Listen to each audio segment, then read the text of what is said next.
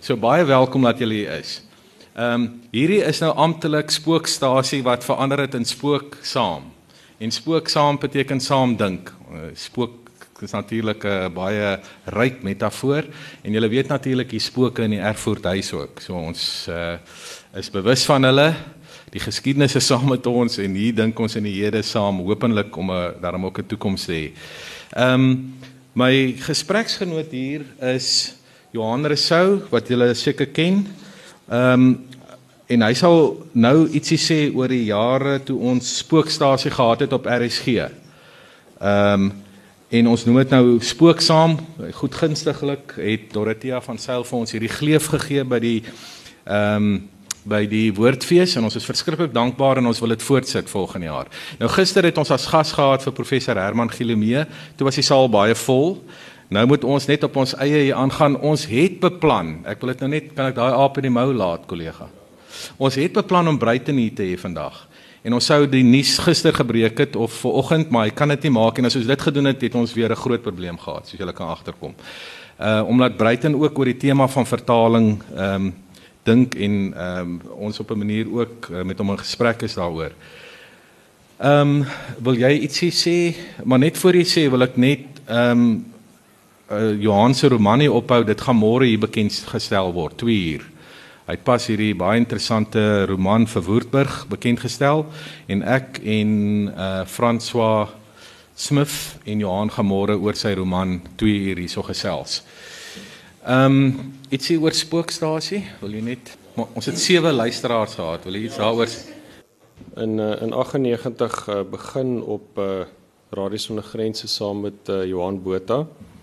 En uh so af en toe loop ons nog een van die sewe luisteraars raak wat dan vra of ons dit nie weer wil doen nie. Ehm um, maar ons het ook nie die energie van 15 jaar terug nie.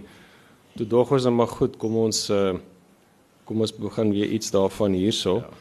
Maar ek moet sê ehm um, net in aansluiting by Pieter dat ehm uh, uh dis redelik informeel. Ons wil ook nou nie net heeltemal uh, amper stoepstories maak nie so 'n bietjie meer gestruktureerd probeer wees, maar ehm um, die die die gedagte is dat ons saamgesels. Dis regtig is nie dat ons net hier in 'n situasie is waar mense nou vir ons vra vra en ons moet groot uitsprake maak. Ons sal probeer, maar ehm um, ons ons wil regtig saam met julle gesels oor vandag se tema. En uh as daar genoeg geesdrif is, kan ons dit dalk weer volgende jaar doen. Ja. Nee, definitief ehm um, net voor ek begin om te sê hoe die struktuur van die dag gaan werk, wil ek hom net 'n grappie vertel. Ek het nog geleer van die ou dae, lyk my by politieke vergaderings het hulle altyd 'n grappie vertel, so ek wil ook een vertel. U weet natuurlik wat is die definisie van filosofie? Want ons is nou albei in daai, o, ek wil net sê ons is albei van die departement filosofie by die uh, Universiteit van die Vrystaat. Ons moet net hierdie nuusflits ook. En ons probeer regtig 'n uh, eh, Uh, ons probeer ons probeer net so hard soos ons gehoor hier kry ook daar studente te kry. Ehm um, en dit gaan goed. Uh, Daar's uh, dit is natuurlik 'n ding wat wat tyd vat as mense uh, die voorreg het om 'n departement van nuut self weer te kan ehm um, opbou. En uh so dit is vir ons baie lekker om hier te wees, maar die grappie gaan so, wat is die definisie van 'n filosoof? Nou dis iemand wat probeer om 'n swart kat in die hoek van die rondawel in die middel van die nag vas te keer. Nou, dit is nou presies ons gesprek ook vandag hierso dat jy moenie dink ons is nou die experts en ons weet alles. Ons moet eintlik saamgesels om nou by Johan aan te sluit.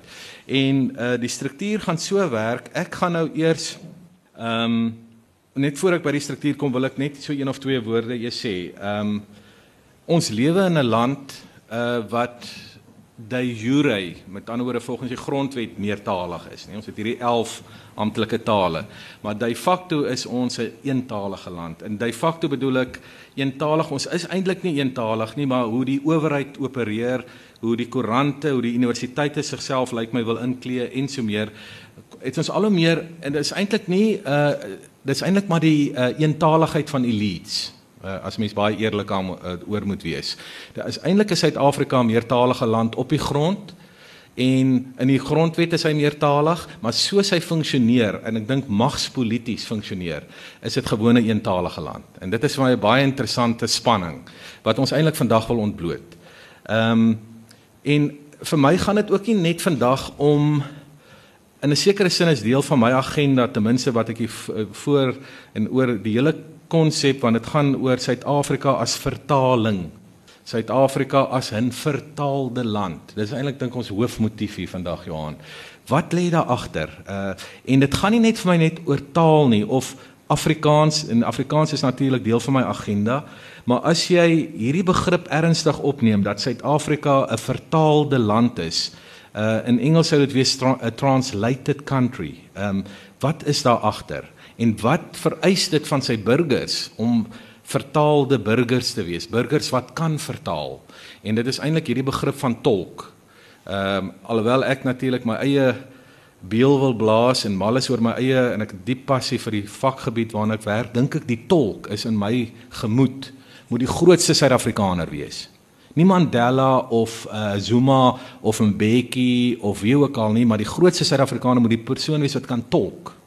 Want wat lê agter tolk? Die vermoë wat jy wat jy het om 'n ander wêreld te kan bemiddel, nê? Uh, en so ek het 'n hele filosofie van die tolk hier vandag wat ek ook sal uitstal tussendeur en as ek dit nie uh, in my eie gedeelte sien nie, sal ek ons kan ons in vraatyd ook daaroor praat. Ehm um, Dan wil ek ook praat oor taal nie net gewoon as 'n uh, gebruiksartikel nie. En ek gaan dit nou net na ek die struktuur aangekondig het iets daarmee oor sê. Taal is my veel dieper as 'n gebruiksartikel. Ek noem dit taal as ontologies en ek sal nou nou sê wat ek daarmee bedoel want dit is eintlik baie tegniese term. Nou goed, die struktuur en die formaat dan vandag. Ek gaan die eerste 20 minute vat en ek het al 5 minute gepraat, so ek gaan nog net so 15 vat. En dan gaan Johan die tweede 20 minute vat. Hy het 'n baie mooi ding. Hy het stilweg homself verwyder vanoggend hier van die geroesmoes en hy gaan 'n ding vir so 20 minute en Johan is 'n bietjie langer ook wil wees as jy welkom. En ek het dit nog nie eens gehoor nie. So uh dit gaan baie kreatief wees en spontaan wees in 'n sekere sin hier van vooraf. En dan gaan ons die laaste 20 minute bietjie met mekaar gesels en dan gaan ons die laaste 30 minute dit oopmaak vir die gehoor. En vandag het ons ongelukkig nie 'n prys vir die beste vraag nie, maar ons sal vir daai persoon 'n ander kom gee. Dit is nou uh, nog vir al wat ons vandag kan doen, maar ons sien baie uit na julle deelname. Nou goed, laat ek uh, net wegspring om die gesprek aan die gang te sit. Wat bedoel ek dat taal kwalitatief ontologies is? En dit is teenoor en ek sal dit nou herhaal pragmaties instrumenteel. Dit is twee opvattinge oor taal, nê? Aan die een kant het taal 'n baie diep betekenis. Dit dra in sigself iets wat ons amper nie kan verwoord nie. Dit vorm ons.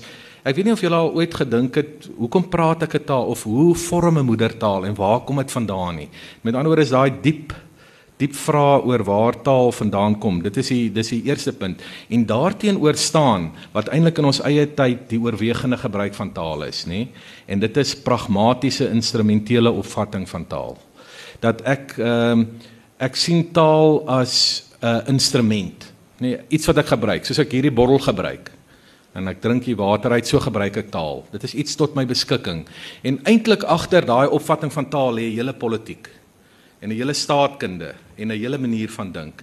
Die ander opvatting van taal het 'n baie meer ehm um, het 'n opvatting dat taal en denke ge, uh, vo, volledig ge, uh, geïntegreer is, amper uh, organies met mekaar kommunikeer.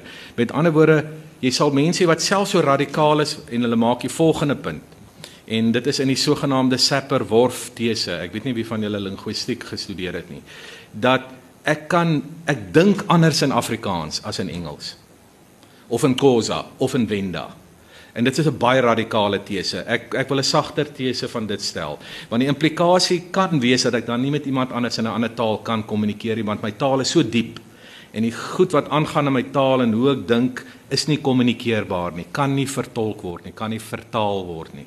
Wat die sentrale tema is van ons vandag hierso. Dis 'n baie radikale tese, maar ek dink as jy die Sapper Worf uh, tese vat en die Sapper verwys na 'n denker in Amerika en Worf, hulle was albei linguiste. Ehm um, as jy daai tese vat en jy sien hom 'n bietjie sagter, uh, dan kom jy baie naby aan die opvatting wat ek sou wou verdedig. En dit is dat ons tog in taal dink. En dat taal ook vir ons dink, as ek dit so kan stel.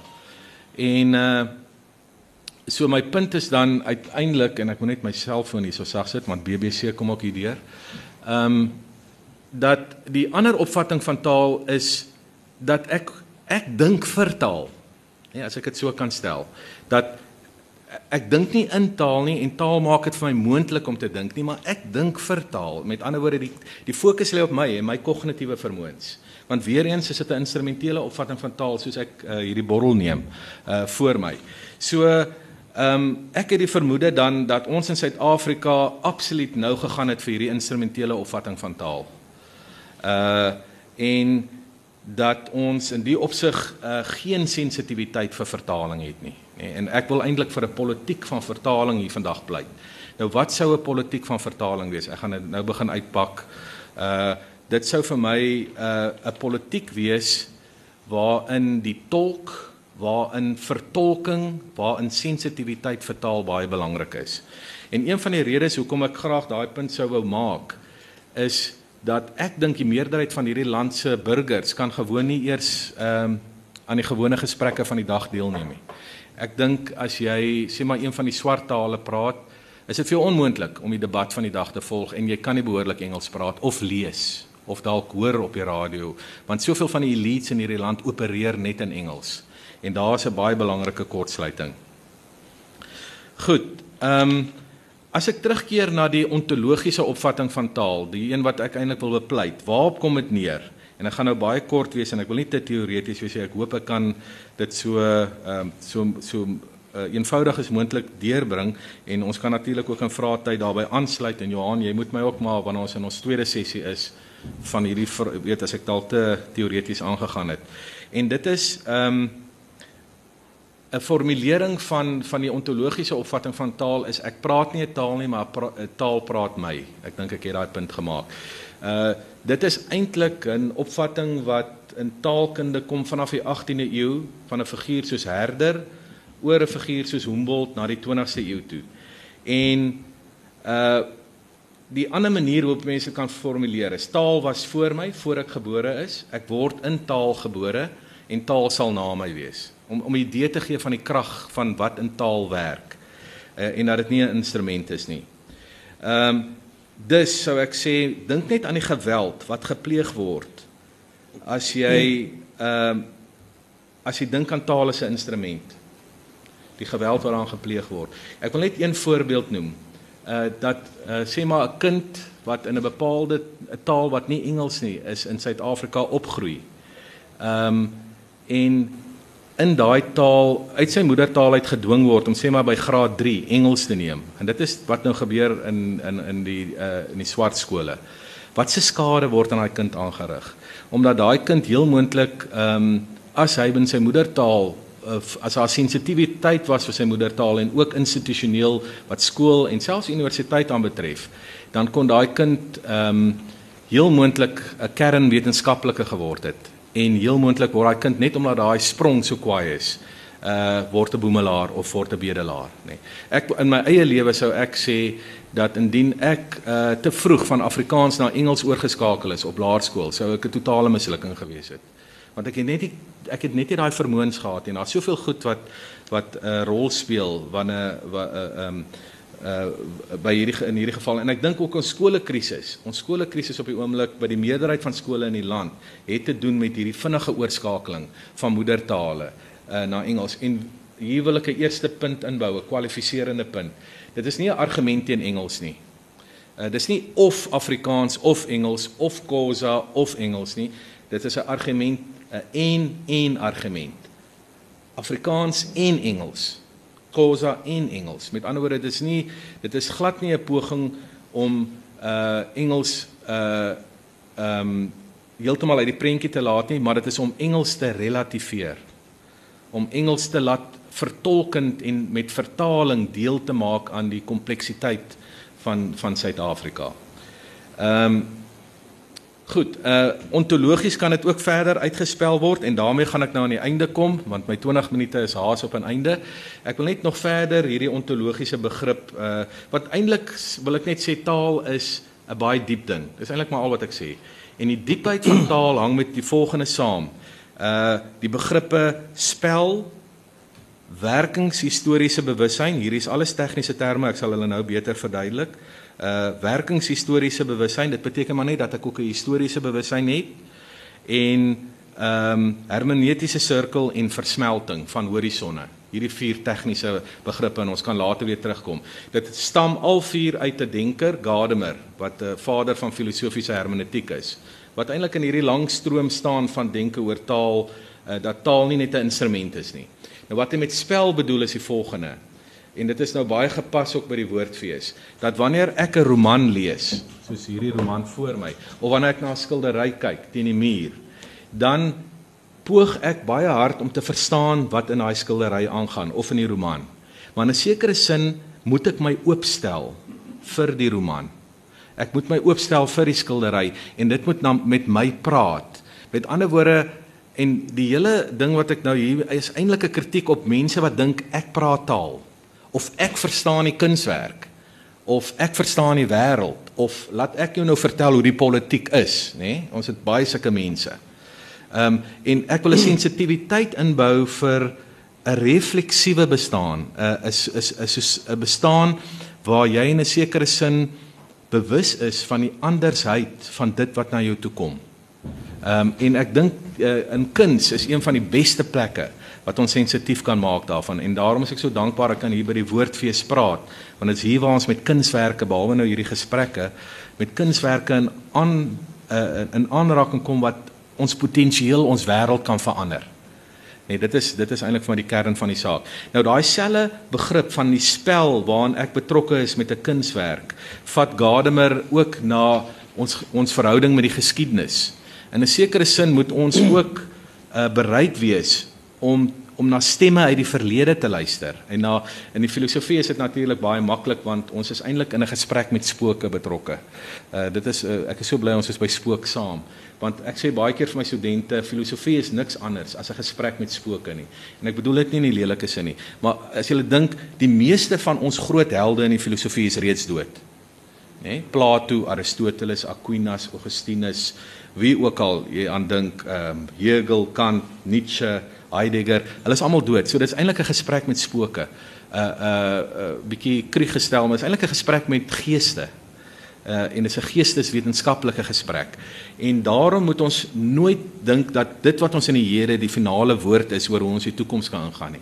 Ons moet altyd oop wees vir dit wat die verlede uh ook na ons toe kan bring.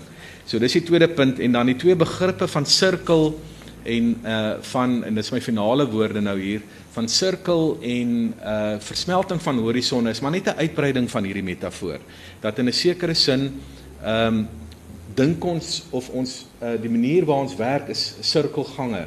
Dat ek verstaan partymal net 'n klein deeltjie van iets en en dan gaan ek weer na die groter gedeelte maar dan gaan ek weer terug na die kleiner gedeelte sit 'n paar ander dinge by en uiteindelik kan dit 'n patroon word dat ek helderder uh, daaroor kan dink en die uh, begrip van versmelting van horisonne wat ek dink sentraal vir my teoreties is in die begrip van vertaling is dat um, in 'n sekere sin moet ek die ander persoon en die wêreld waaruit hy kom respekteer uh wanneer ek met hom in gesprek tree.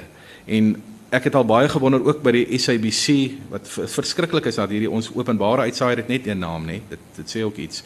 Uh dat by die SABC daar nooit vertaling is nie. Nooit 'n sensitiwiteit vir tolke is nie. Ehm um, en dit het ook nou uitgekom nou met die Mandela begrafnis uh en dit het ook nou dit is nou weer met die Oscar Pistorius saak ook so. Daar is geen respek vir die tolk uh en lyk my daar's ook nie goeie opleiding nie. Daar's nie geld in hierdie goed nie. Hoe die persone die gebaretaal en die gebaretaal is nog nie eers ons sensitiwiteit vir tale nie. Met ander woorde, ek dink nog steeds by 'n nuusbulletin moet ehm um, moet onderaan 'n nuusbulletin moet dan die ehm um, uh die die die taal waarin die nuusbulletin plaas, een of ander sensitiwiteit moet gewys word dat die ding nie net outomaties in Engels kan oorgaan nie. Uh binne die nuusbulletin. Maar in elk geval, dis 'n mondvol kollega, ek het 'n bietjie hot en haar gepraat. Uh ek hoop ek het daarom vertaling so ek het ons 'n bietjie ons koppe oopgemaak en uh help my saam dink wanneer dit die 30 minute is van julle. Maar Johan, ek hoor nou graag wat jy sê. Mm, goed, dit gaan ook maar hot en haar wees. Ehm um, ja, ek is nie so uh dapper soos my kollega om die jazz roete te gaan nie. Ek het nou maar klassieke teksie uitgewerk. Uh, in November 1993 het die internasionale sentrum van literêre vertalers in al Frankryk sy jaarlikse kongres oor vertaling gehou. Die kongres is onder andere bygewoon deur ons eie Breiten Breitenbach en die beroemde Italiaanse semiotikus, poligloot en romansier Umberto Eco. Dit is by hierdie geleentheid wat Eco in 'n lesing getiteld Traduction en lang perfect, oftewel vertaling in die volmaakte taal, sy beroemde uitspraak gemaak het dat vertaling die taal van Europa is. Eco het dit gesê in die agtergrond van die destydse Joegoslawiese oorlog en die groeiende bewussyn dat vir die Europese Federasie om te slaag dit nodig is om rekening te hou met die verskillende nasionale en subnasionale identiteite in Europa, so goed so streeksidentiteite, plaaslike identiteite en so meer. Om dit anders te stel, waarop Eco met sy uitspraak gesinspeel het, is dat die verdieping van 'n Europese identiteit uh vir daardie verdieping die ontmoeting van en gesprek tussen al Europa se nasionale en subnasionale identiteite van die grootste belang is.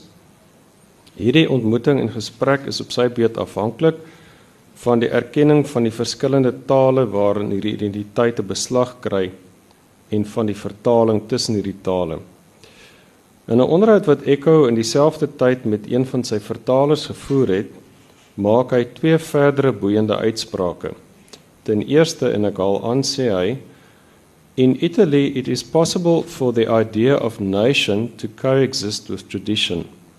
For instance, I feel intimately Piedmontese and believe that someone else living in Sicily feels deeply Neapolitan.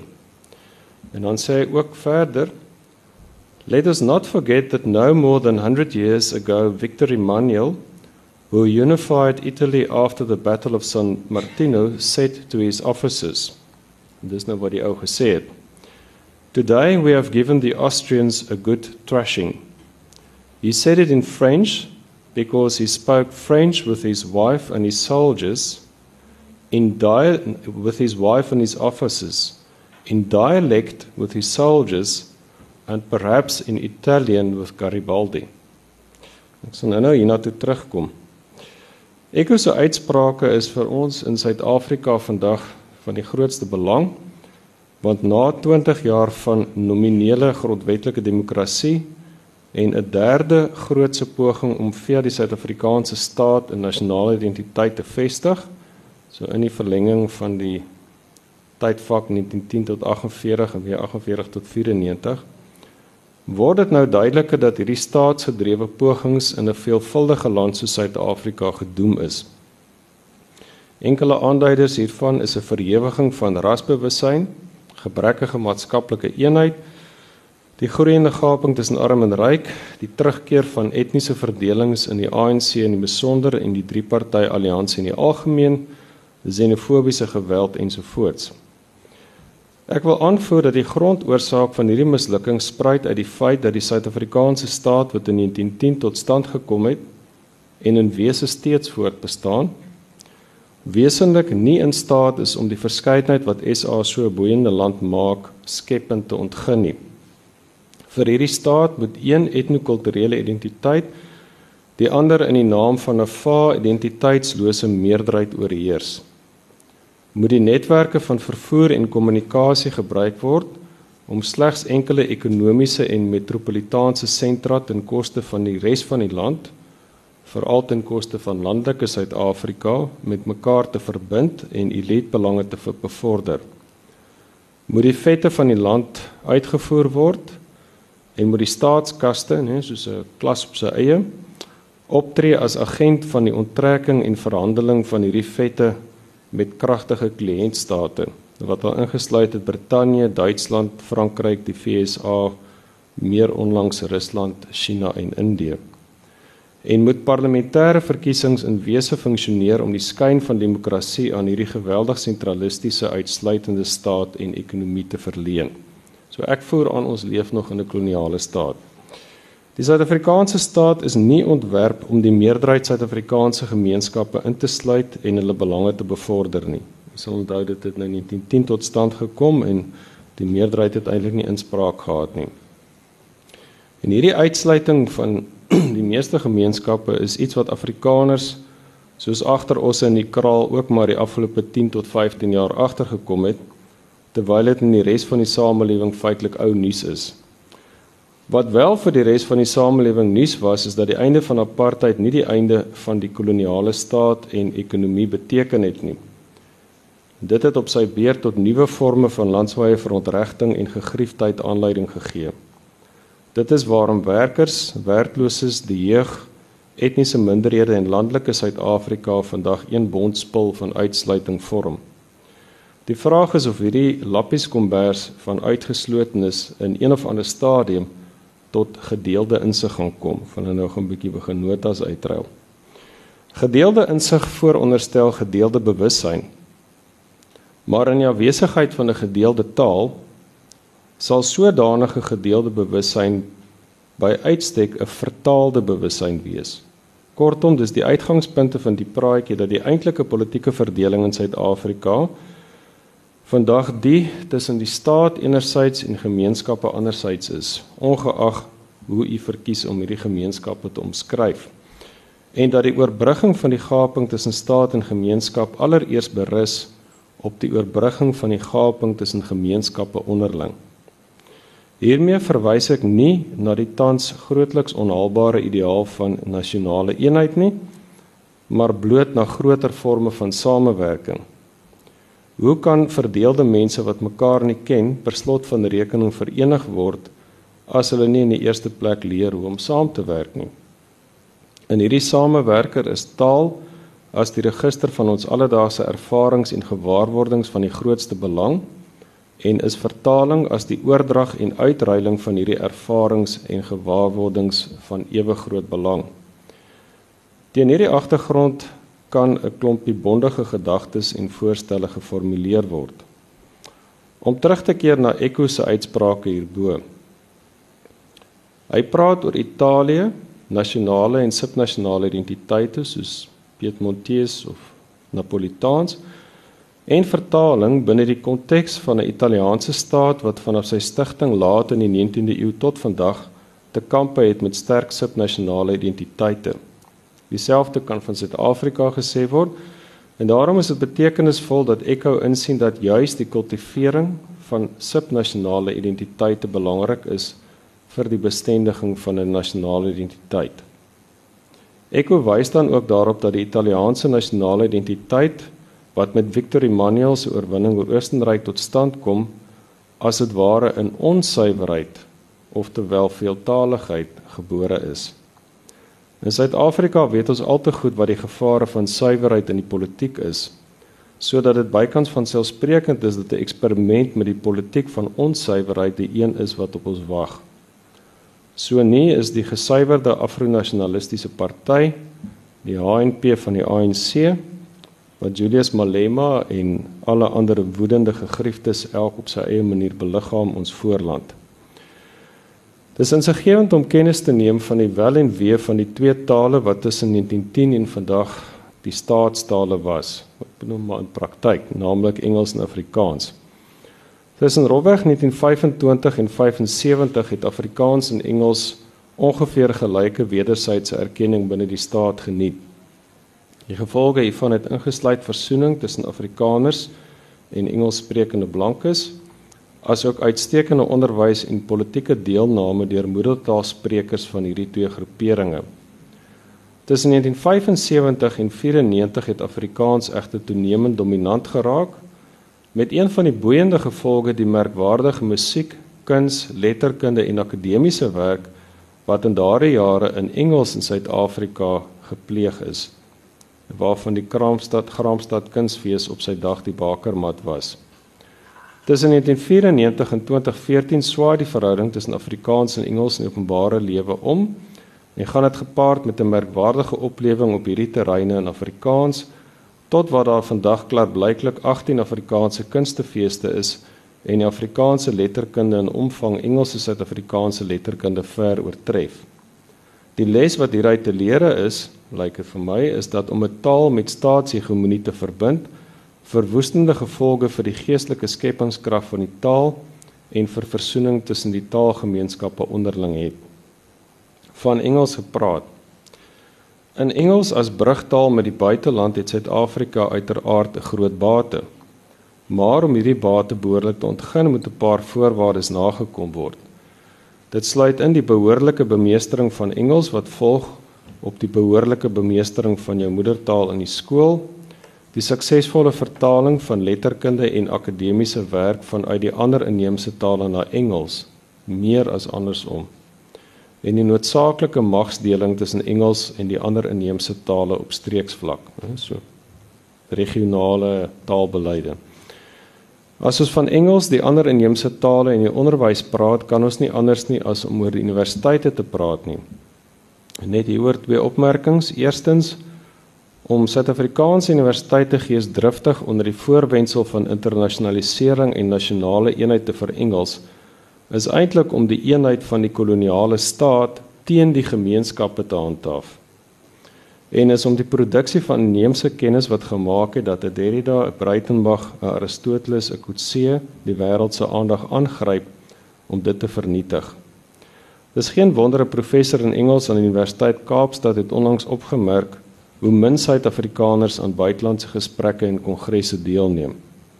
As ons geesdriftig vir Engels en sodoende van ons tuisbasis afskeid neem, sal ons niks hê om vir die buiteland te sê nie of om hulle mee te interesseer nie.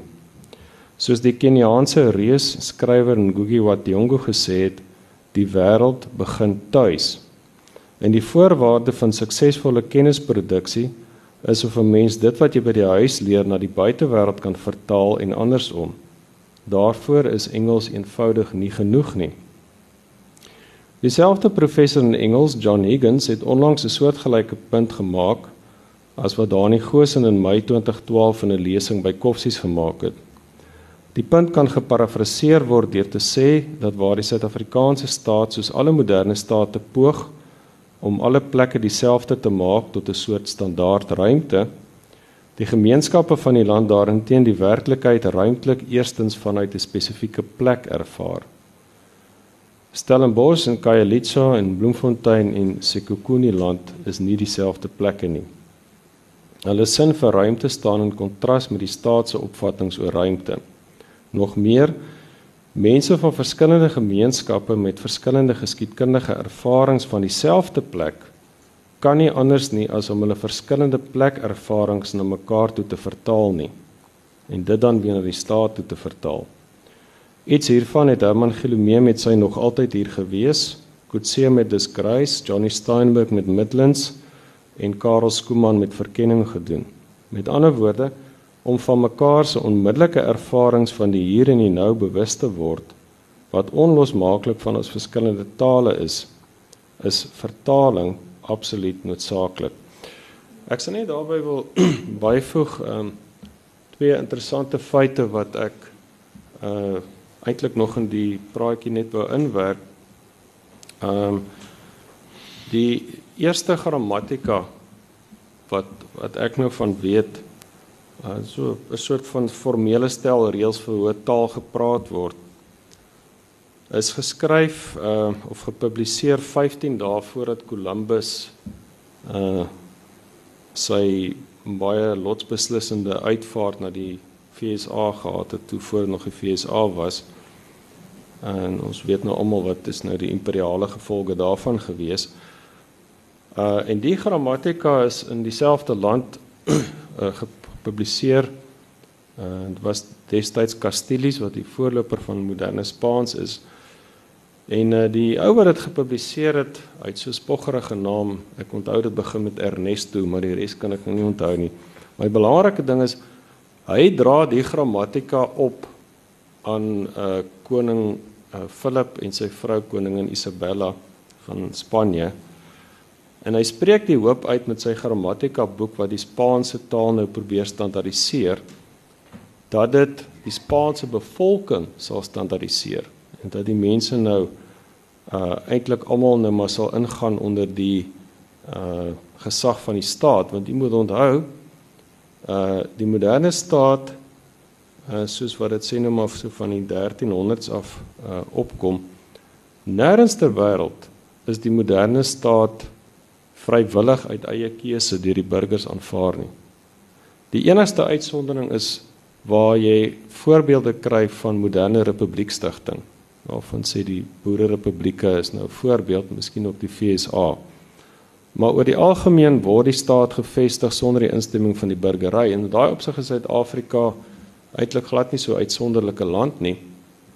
Uh, ons probleem is dat ons dit nog nie daai uh gegeewe behoorlik verreken nie want ons staar ons blind teen die verskillende legitimeringsstrategieë van die staat en dit het nou ingesluit Britse imperialisme en toe apartheid en op die oomblik is dit nou die storie van nasionale eenheid en so wat nou nie eers meer van die reënboognasie nie maar ons praat nie oor die staat wat die onderliggende struktuur is uh, wat deur hierdie ideologie eintlik um, gelegitimeer word nie.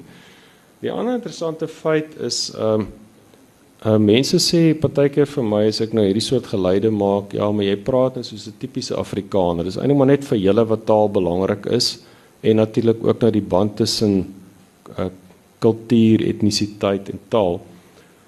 Maar ehm um, daar's 'n uh, professor wat verlede jaar by Unisa 'n intrede gelewer het, uh, professor Iliria Borman.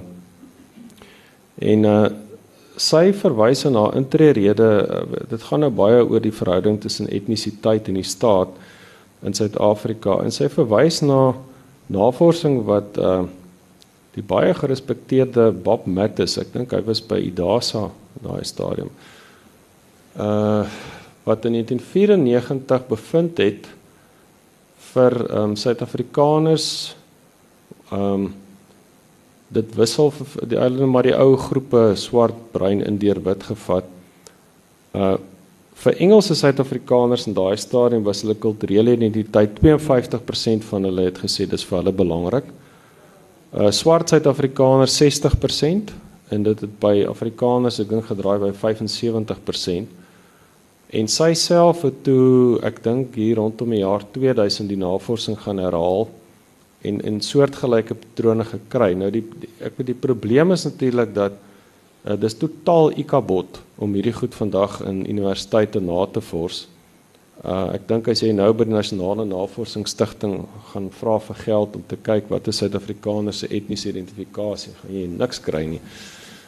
Um maar as 'n mens gesels met uh joernaliste in die politiek, ek het nou onlangs ook daar in die Vrystaat so gesprek gehad dan sê hulle vir jou maar jy kan nou maar ehm um, gaan kyk ehm um, dis meer so in landelike Suid-Afrika maar beslis ook in stedelike gebiede uh dat uh enige party wat sukses in ons politiek wil haal het eintlik iets soos plaaslike etniese koppelaars nodig.